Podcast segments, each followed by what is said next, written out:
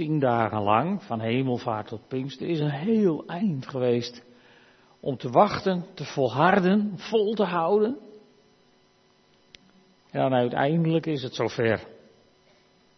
Als Jezus de komst van de Heilige Geest aankondigt, dan gebruikt hij het woord parakletos. Tenminste, dat gebruiken de, de, de evangelieschrijvers in het Grieks. En uh, dat woord parakletos, dat wordt vertaald als pleitbezorger, trooster, helper, beetje afhankelijk welke vertaling je hebt. Dat woord komt vijf keer voor in het Nieuwe Testament. Eén keer in 1 Johannes 2, vers 1. Alleen daar gaat het niet over de Heilige Geest, maar daar gaat het over Jezus. In 1 Johannes 2, vers 1, daar staat: Kinderen, ik schrijf u dit opdat u niet zondigt. Mocht één van u echter toch zondigen, dan hebben we een pleitbezorger bij de Vader, Jezus Christus de rechtvaardige. En de overige vier keer komt het voor in het evangelie van Johannes. Dus het is elke keer Johannes die het woord gebruikt. En dat is in de hoofdstukken 14 tot 16. Misschien is het handig als u die opzoekt en uh, bij de hand hebt. Ik ga ze niet helemaal lezen, die drie hoofdstukken. Wat is een beetje veel. Maar daar gebeurt het. Dat zijn de hoofdstukken waar Jezus zijn discipelen voorbereidt op de toekomst. In Johannes 14, vers 16, daar zegt Jezus, dan zal ik de Vader vragen jullie een andere pleitbezorger te geven die altijd bij je zal zijn. En in vers 26, daar zegt hij later zal de pleitbezorger, de Heilige Geest, die de Vader jullie namens mij zal zenden, jullie alles duidelijk maken en alles in herinnering brengen wat ik tegen jullie gezegd heb. Misschien dat ze in die tien dagen tussen hemelvaart en Pinkster hier wel eens aan hebben gedacht. Van nou, hij mocht er mij wel komen. Om duidelijk te maken, zodat we tenminste een beetje snappen wat er allemaal gebeurt. En in Johannes 15, vers 26, dan zegt Jezus, wanneer de pleitbezorger komt, die ik van de Vader naar jullie zal zenden, de geest van de waarheid die van de Vader komt, zal die over mij getuigen. En dan zegt hij in Johannes 16, vers 7, werkelijk, het is goed voor jullie dat ik ga, want als ik niet ga, zal de pleitbezorger niet bij jullie komen. Maar als ik weg ben, zal ik hem jullie zenden. Nou, hij was weg. En dan zit je dan te wachten. Het woord parakletos. Als je het in de Strongs concordantie opzoekt, dan betekent dat degene die ontboden wordt, die erbij geroepen wordt, die te hulp geroepen wordt. Ik ben de Heilige Geest niet, maar ik ben van de week veel te hulp geroepen. Bij de Elstede wandeltocht hadden we heel veel uh, jonge vrijwilligers, mensen met niet zo heel veel ervaring. En die kwamen me dan af en toe halen. En ik hoop dat wij anders op de Heilige Geest reageren dan die ene wandelmevrouw op mij. Ik werd opgehaald door een vrijwilliger en die mevrouw die ziet me aankomen en die zegt, oh nee hè. Die had mij al eerder ontmoet. Ik hoop niet dat we zo op de Heilige Geest reageren. Toch gebeurt het bij heel veel christenen. Als de Heilige Geest begint te bewegen en er gebeuren dingen, dan reageren mensen in de kerk, soms hele kerken zelfs, oh nee hè. Want weet je, je wacht op, op wat eigenlijk? Wij denken dat we dat allemaal begrijpen. Maar dat is een heel groot misverstand. Het betekent ook iemand die voor een ander pleit bij de rechter. Dus een advocaat. Dat is eigenlijk de rol die, die Jezus daar heeft in Johannes 2, vers 1.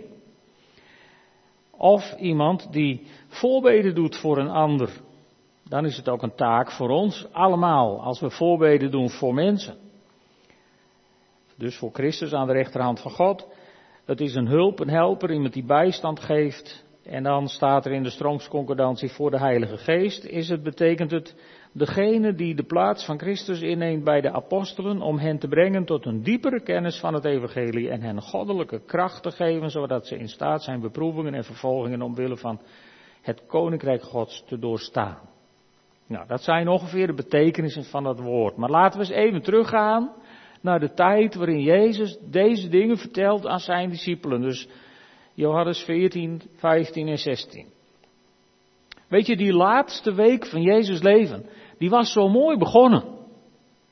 Met die feestelijke intocht in Jeruzalem, waar iedereen, iedereen de weg bedekte met kleren en met palmtakken. En iedereen roep, riep Hosanna, Hosanna. En het, het was één groot feest. En, en voor, de, voor de discipelen moet dat geweldig gevoeld hebben. Zo van, yes, nu gaat het gebeuren.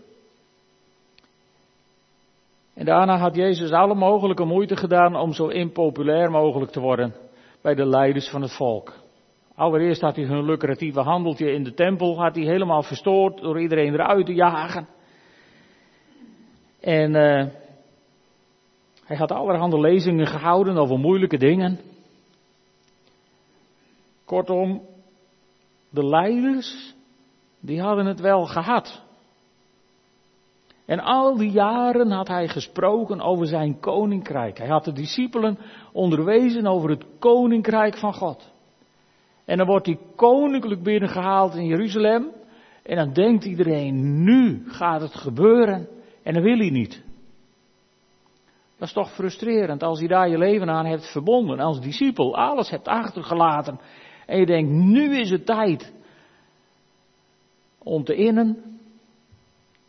En dan wil hij niet. Je zou er toch raar van worden. En, en, en dan zijn er zelfs buitenlanders, Grieken, die hem willen spreken. En uitgerekend dan begint hij weer over doodgaan. Dat had hij een paar keer gedaan onderweg en de discipelen, die waren daar zo, zo helemaal niet blij mee. Ze, ze, ze, het paste niet in hun plaatje. Dat, zo zag hun toekomstbeeld er niet uit. En op de avond van het Pesachmaal had hij hun de voeten gewassen. En als klap op de vuurpijl had hij gevraagd of ze het begrepen. Natuurlijk begrepen ze dat niet. En maak je geen illusies, als u of ik daar hadden gezeten, hadden wij het ook niet begrepen. Dan waren wij er net zo mee aangeweest als zij. Hoe zou je dit ooit kunnen snappen? En toen had hij ook nog tegen de discipelen gezegd, één van jullie gaat mij verraden. Nou, als je ooit aan teambuilding moet gaan doen, moet je zo niet beginnen. Want de ene werd wantrouwend tegenover de andere. Dit was slecht voor de eenheid in de groep. En ze hadden allemaal volgens mij het gevoel alsof het hun bij de handen om afbrak. Misschien heb je dat gevoel ook wel eens in je leven. Dat je heel veel verwachtte en dat het je bij de handen om af lijkt te breken. En dat je denkt, en nu? Waar bent u, Heer? En toen begon hij met een soort raadselspelletje. In Johannes 13, vers 33, dan zegt hij, kinderen, ik blijf nog maar een korte tijd bij jullie. Jullie moeten me zoeken. Nou, leuk. Maar wat ik tegen de Joden gezegd heb, zeg ik nu ook tegen jullie. Waar ik heen ga, daar kunnen jullie niet komen. Dat wordt een mooie zoekpartij dan. Dat is ook niet direct bemoedigend. En dan zegt hij, maar je moet je niet ongerust maken. Hoezo niet ongerust maken? Na al dit verhaal wat je allemaal gezien en gehoord en meegemaakt hebt, hoezo niet ongerust maken? Maar hij zegt het wel in vers 14, of eh, in hoofdstuk 14 vers 1, dan zegt hij, wees niet ongerust, maar vertrouw op God en op mij. Ik denk dat Jezus dat ook vaker tegen ons zegt dan wij in de gaten hebben. Ik geloof zelf in die fases waarin je, waarin je s'nachts wat woelig slaapt, of misschien wel wakker ligt, of, of de hele dag in je hoofd ommaalt met dingen waar je je zorgen over maakt. Ik geloof dat de Heilige Geest heel vaak tegen ons zegt: Wees niet ongerust, maar vertrouw nou op God en op mij. Dat is kennelijk, dat zijn kennelijk twee tegenovers. Ongerust zijn en op God vertrouwen. Kennelijk is ongerust zijn dus niet vertrouwen op God. Ja, dat is één om mee te nemen, denk ik, om eens over na te denken. En dan begint Jezus hun te vertellen dat hij naar, dus naar die geheime plek gaat, waar zij niet kunnen komen. En, en daar zijn vele, veel kamers of woningen of appartementjes, weet ik veel wat er zijn. En, en, en zegt Jezus, als het klaar is, kom ik jullie halen. Nou, dat is mooi. En dan zegt hij, dan zegt hij, jullie kennen de weg. In vers 4, jullie kennen de weg waar ik heen ga. Dan wordt het Thomas even te veel.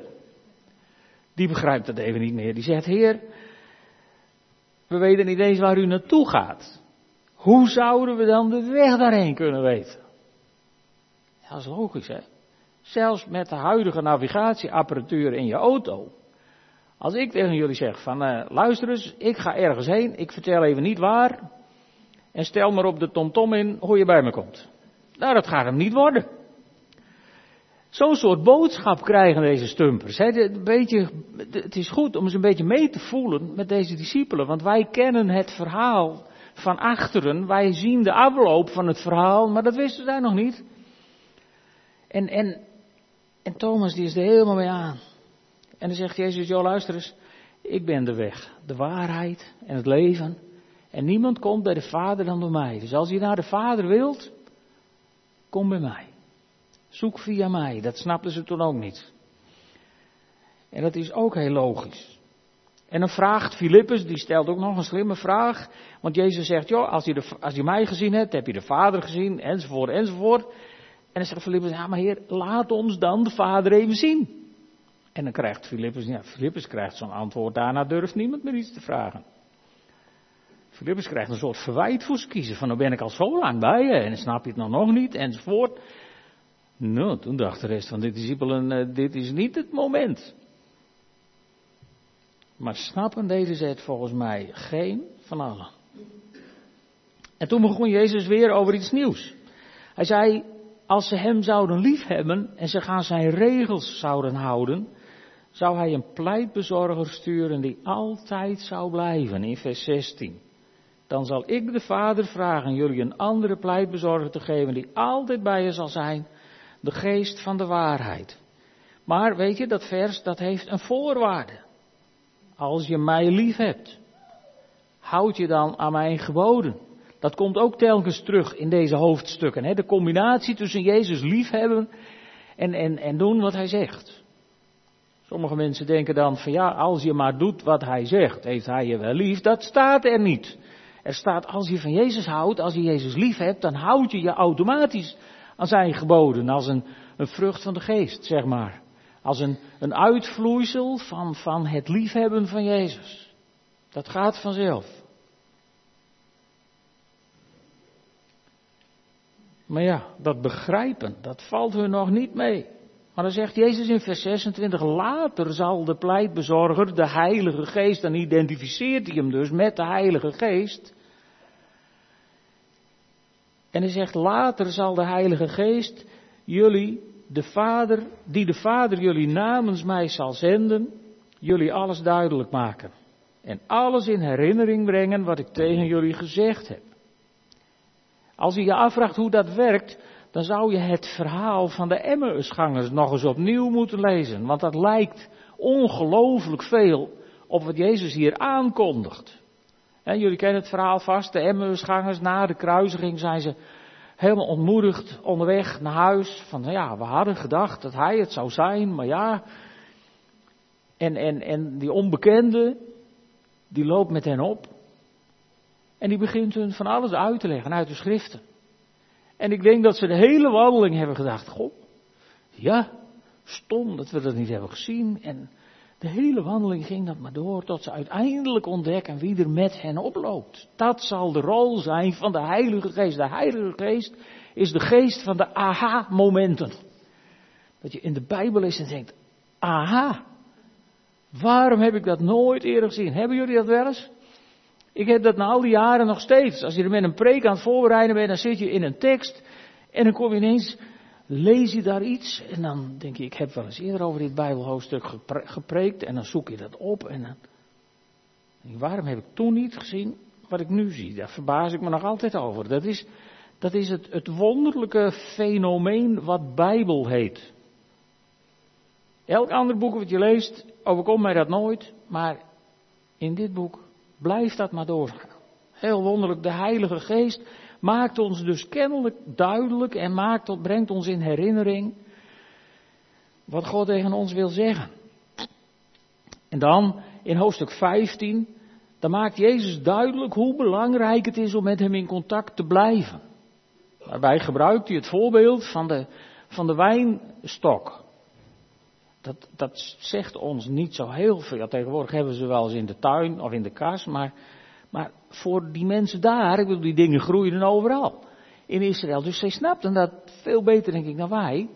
En, en dan legt hij hen uit over de wijnstok en de ranken die daaraan komen. Die moeten aan de, aan, aan, aan de stam van de, van de struik verbonden blijven. Ik heb zelf ook een paar druiven in de tuin en het is een wonderlijk fenomeen. Maar sommige struiken die kun je snoeien en dan kun je zo'n tak in een vaas zetten en die blijft heel lang mooi. En als je zo'n tak van zo'n druivenstruik afknipt en die leg je even op de grond, vijf minuten later hoef je dat niet meer in een vaas te zetten, want dan is alles slap en verwelkt en heel wonderlijk. Heel, ik verbaas me er elke keer weer over als ik daarmee bezig ben, denk ik aan dit verhaal wat Jezus vertelde. Hoe belangrijk het is om die verbinding met Jezus te houden. Want de fut is er gelijk uit. Je ziet dat ook in christenen die, die afstand nemen van Jezus. De fut is er meteen uit. Het is gelijk over, het is gelijk gebeurd. Maakt niks uit of je nou afstand neemt van een kerk, dat is, dat is prima, dat is te overleven. Maar afstand nemen van Jezus is werkelijk funest voor je geestelijk leven. Het is zomaar over. En dat legt Jezus hun uit aan de hand van dat verhaal. En, en, en hij maakt ze in dat verhaal nog een keer duidelijk hoe belangrijk het is om elkaar lief te hebben. Het is het verhaal waar hij tegen hen zegt, ik noem jullie geen slaven, maar ik noem jullie mijn vrienden, omdat je doet wat ik zeg. Daar hebben we weer hetzelfde wat wij zo gauw als mensen hebben, dus als ik maar doe wat hij zegt, zijn we vriendjes. Zulke vriendjes wil je niet. In dit wereldse. En zulke vriendjes wil Jezus ook niet. Zo wil hij ook niet voor je zijn. Het is niet zo als je maar doet wat. Nee, hij noemt je vriend om wie je bent omdat hij van je houdt. Omdat hij om je geeft. En omdat in jouw hart de liefde voor hem ook is. Wil je gewoon doen wat hij zegt. Toch? Wil je toch voor je vrienden, wil je toch wat leuks doen, wat goeds doen af en toe? Die... Dat is volgens mij wat Jezus hier bedoelt. En dan komt er een heel vervelend stuk in hoofdstuk 15 over de wereld die hen zou haten. Daar snapten ze echt helemaal niks van. Ze waren volgens mij nog veel meer gefocust. Die, die Hosanna-wereld, die met die palmtakken, dat was wel een leuke wereld. En die wereld die riep kruisig hem, die moest nog komen. Duurde niet zo lang meer, maar dat hadden ze nog niet beleefd. Dus een wereld die hen zou haten. Ik denk dat ze af en toe hebben gedacht, waar gaat dit over? En toen begon Jezus weer over die pleitbezorger in hoofdstuk 15, vers 26, dan zegt hij, wanneer de pleitbezorger komt, die ik van de Vader naar jullie zal zenden, de geest van de waarheid die van de Vader komt, zal die over mij getuigen. Dus die zou hun kennelijk duidelijk maken hoe dat nou precies zat met Jezus en de Vader. En ze hadden al die dingen wel gehoord, maar ik weet niet hoe het met jullie gaat. Als ik Johannes lees, dan denk ik dat is zo filosofisch en ik ben niet zo filosofisch. En af en toe denk ik, kon het niet wat eenvoudiger gezegd worden, zodat ik het snap. En ik denk dat heel veel discipelen zo heel vaak naar Jezus hebben geluisterd met het idee van, kan het ook wat simpeler? Ja, maar die geest zou over Jezus getuigen. En als ze het snapten, dan zouden zij ook over hem getuigen. Dat is dan de boodschap daarin. Want in vers 27 zegt Jezus, ook jullie moeten mijn getuigen zijn, want jullie zijn vanaf het begin bij mij geweest. Dus de Heilige Geest komt naar ons toe om tegenover ons, in ons, te getuigen van wie Jezus is. En alles wat we leren van de Heilige Geest, alles wat we daardoor ontdekken, alles wat we in het Woord ontdekken, dat ontdekken we om het te delen met elkaar, om, om, om er getuigen van te zijn. En dat is niet alleen voor degene die, die op zondag preekt. Dat is ook voor degene die, die de moed heeft, zoals Minja, om een beeld te delen wat de Heilige Geest je laat zien.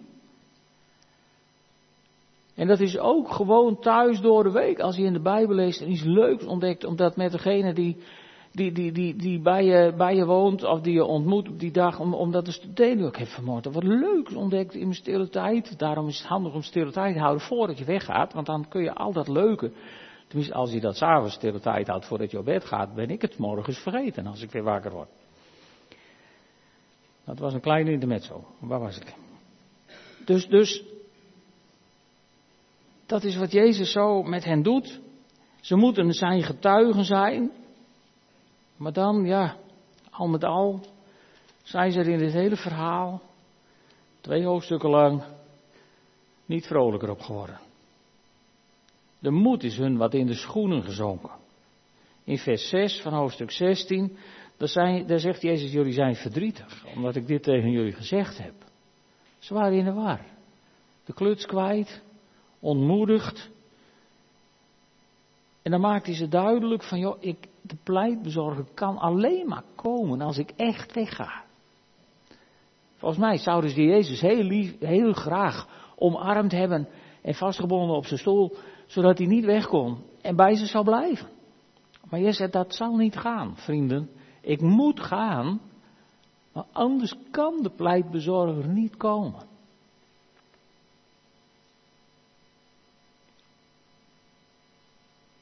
Eigenlijk was zijn verhaal toen niet af. Maar die discipelen hadden al veel meer voor hun kiezen gehad dan ze aankonden. De pleitbezorger of de Heilige Geest of de Geest van de waarheid, zoals Jezus hem had genoemd, zou hun kennelijk verder de weg wijzen. In vers 12 van hoofdstuk 16, daar zegt Jezus, ik heb jullie nog veel meer te zeggen, maar jullie kunnen het nu nog niet verdragen. Dat is volgens mij ook de reden waarom we de Bijbel steeds verder blijven ontdekken, ontdekken, ontdekken, ontdekken. Als we, als we alles wat, wat er in de Bijbel verborgen zit in de tekst en als we alles in één keer zouden zien, zouden we volgens mij helemaal gek worden. Jezus doseert het en dat zegt hij ook tegen zijn discipelen. Nu kunnen jullie het nog niet verdragen, maar de geest van de waarheid zal jullie, wanneer hij komt, de weg wijzen naar de volle waarheid. Daar heb ik het al eerder over gehad. Wanneer heb je de volle waarheid ontdekt? De volle waarheid heb je ontdekt als je geen discussies meer hoeft te winnen. Als je niet meer elke keer als een bok op de haverkist zit omdat iemand iets zegt wat jij niet snapt of waar je het niet mee eens bent enzovoort enzovoort. De, de volle waarheid heb je ontdekt als je in vrede met mensen kunt leven. En als je ook snapt wat Jezus in 1 Johannes daar, daar zegt van joh, ook al heb je gezondigd, of mocht een van u echter toch zondigen, dan hebben wij een pleitbezorger bij de Vader, Jezus Christus. Als je genade in je leven hebt toegelaten, dan ben je die volle waarheid aan het ontdekken. En dan denken de discipelen even in dit verhaal dat ze het snappen. Heel grappig in vers 30 van hoofdstuk 16. Nu begrijpen we dat u alles weet en dat niemand u iets hoeft te vragen. Nu geloven we dat u van God bent gekomen. Halleluja, we snappen het. En dan komen de overpriesters en de Romeinen en ze arresteren Jezus. En hij sterft aan een kruis, verdwijnt achter een grote steen in een graf. En weet je, dat paasverhaal, dat maakt helemaal duidelijk dat ze het niet snapten. Tot de geest echt werd uitgestort op de Pinksterdag. Hoeveel overtuiging hebben ze niet nodig van, van allerhande verschijningen van Jezus na de opstanding voordat het eindelijk tot hun begint door te dringen wat hier was gebeurd. Dat dit toch een plan van God was en niet een overwinning van de overpriesters en de tegenstanders van Jezus, maar juist de zegeviering van de heiland. Ze snapten er niks van. En dan komt aan het eind van die tien dagen wachten. Op wat eigenlijk? Op wat eigenlijk? Dan begint het plotseling te waaien in een dichte kamer en ze krijgen tongen van vuur op hun hoofd en, en ze spreken in, in, in vreemde talen, in tongen. En, en, en, en de mensen buiten, die roepen zo, die hebben hem vroeg om. En dan, dan gebeurt er iets heel merkwaardigs. Dit is voor mij misschien wel het grootste wonder van Pinkster. Dan komt die Petrus, die, die, die het op die avond zo Spaans benauwd had, dat hij zichzelf vervloekte als hij Jezus zou kennen. Die zo bang was voor de consequenties. Diezelfde Petrus, die stapt naar voren. Ik stel me u voor op een podium, daar op het plein in Jeruzalem, met duizenden mensen voor hem. En dan zegt Petrus, beste mensen, wij zijn niet dronken zoals jullie denken, maar dit is het. Waarvan de profeet Joël heeft gesproken. Dat leek er in de verste verder niet op. Maar toch schijnt dat in de Bijbel bij elkaar te horen. En, en die woorden van Petrus, dit is het waarvan gesproken is door de profeet Joël. Die laten zien dat het kwartje is gevallen. En ik heb daar een voorbeeldje bij, daar hebben we een filmpje van. Misschien kunnen we daar even naar gaan kijken. Het gaat over magnetisme. Misschien denk je, wat heeft dat er nou mee te maken? Maar dat zal ik zo meteen uitleggen. Volgens mij zit er in dit filmpje namelijk ongelooflijk veel analogie met hoe de Heilige Geest werkt. Dat komt omdat in een gewoon stuk ijzer alle ijzerdeeltjes kriskras door elkaar heen liggen.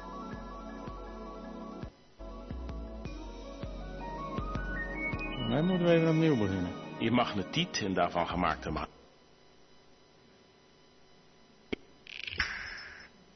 Dit is magnetiet, een stuk steen waarvan magneten gemaakt kunnen worden omdat er heel veel ijzerdeeltjes in zitten. Niet ieder stuk ijzer is een magneet. Dat komt omdat in een gewoon stuk ijzer alle ijzerdeeltjes kriskras door elkaar heen liggen.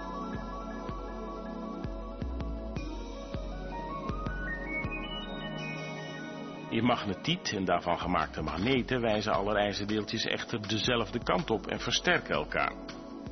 Daardoor krijgt een magneet twee duidelijk verschillende kanten, een noordpool en een zuidpool. Magnetiet is lang geleden per ongeluk ontdekt, waarschijnlijk door een herderinnetje in het plaatsje Magnesia in Turkije. Vandaar de naam magneet. Noordpool en Zuidpool van twee verschillende magneten trekken elkaar aan, terwijl twee Noordpolen of twee Zuidpolen elkaar juist afstoten. Je kunt stukken ijzer ook magnetiseren door er met een magneet een poosje langs te strijken. Dat werkt ook bij een doodgewone naald. Als je die magnetiseert en vrij laat bewegen op een drijvend stuk kurk, dan draait de naald naar één bepaalde richting. Als je er vervolgens een kompas bij houdt, zul je zien dat de kompasnaald exact dezelfde kant op wijst. Dat komt omdat de aarde eigenlijk één grote magneet is met een Noord- en een Zuidpool.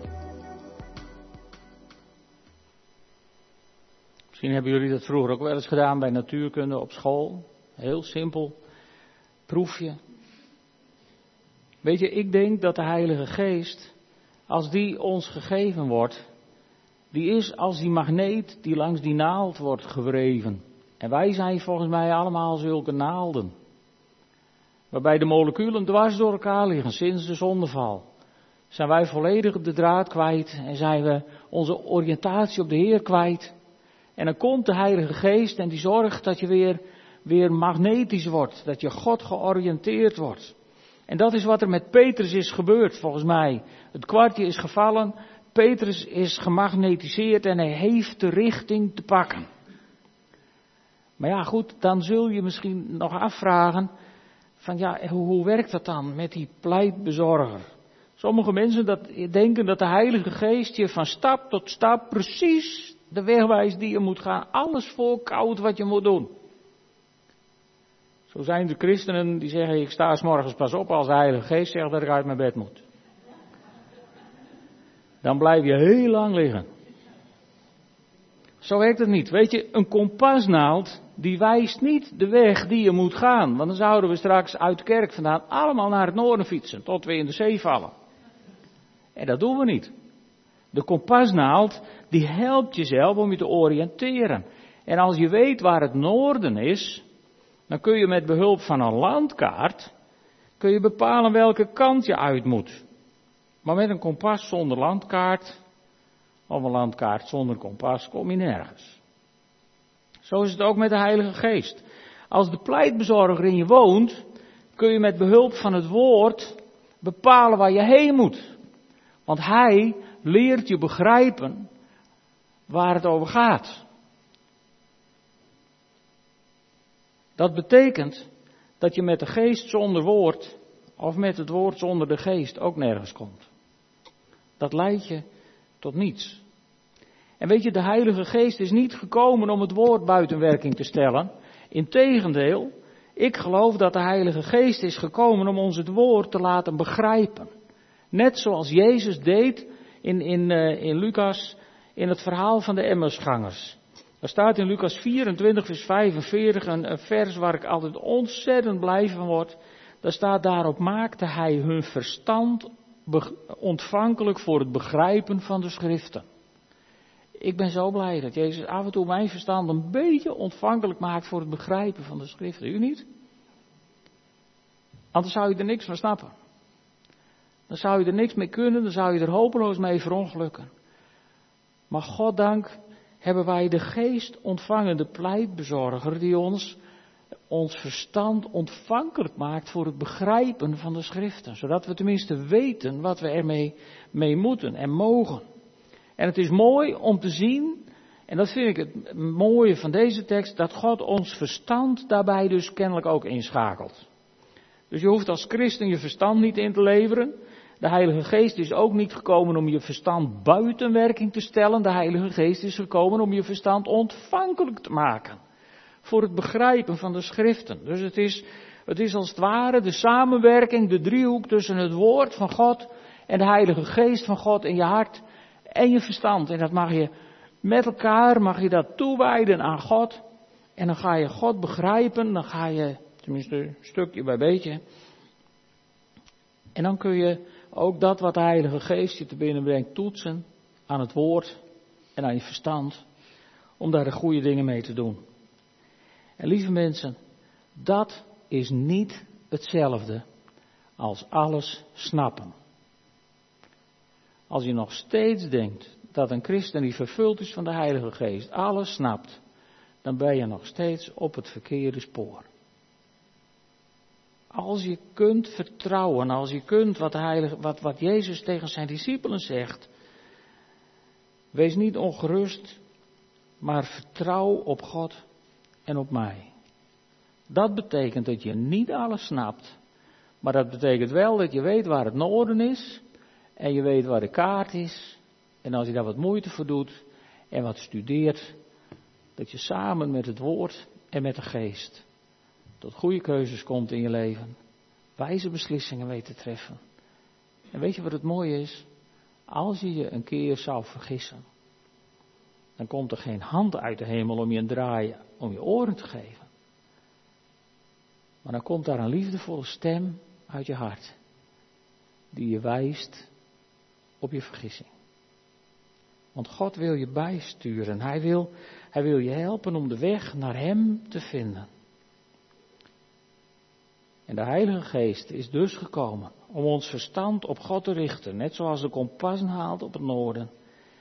En dan zal zijn aantrekkingskracht ons telkens op Hem laten wijzen, zodat wij ook voor andere mensen mogen zijn als die kompasnaald die wijst in de goede richting. Zullen we gaan staan en samen bidden? Heere God, ik dank u wel dat u uw Heilige Geest hebt gestuurd Heer, en dat wij mogen leven in dat, in dat ongelooflijk bevoorrechte tijdperk na Pinksteren. Heer, dat wij al, al, al 2000 jaar bijna mogen leven in het tijdperk van uw geest. Heer, en als, we, als wij in ons leven de geest bedroefd hebben door eigenzinnig onze eigen weg te gaan, door niet te luisteren, Heer, vergeef het ons.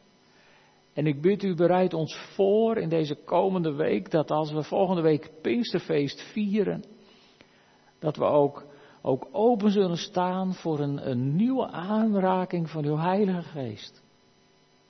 Heer, want we kunnen af en toe zo eigenwijs zijn als mensen. Vergeef het ons, Heer. Reken het ons niet toe.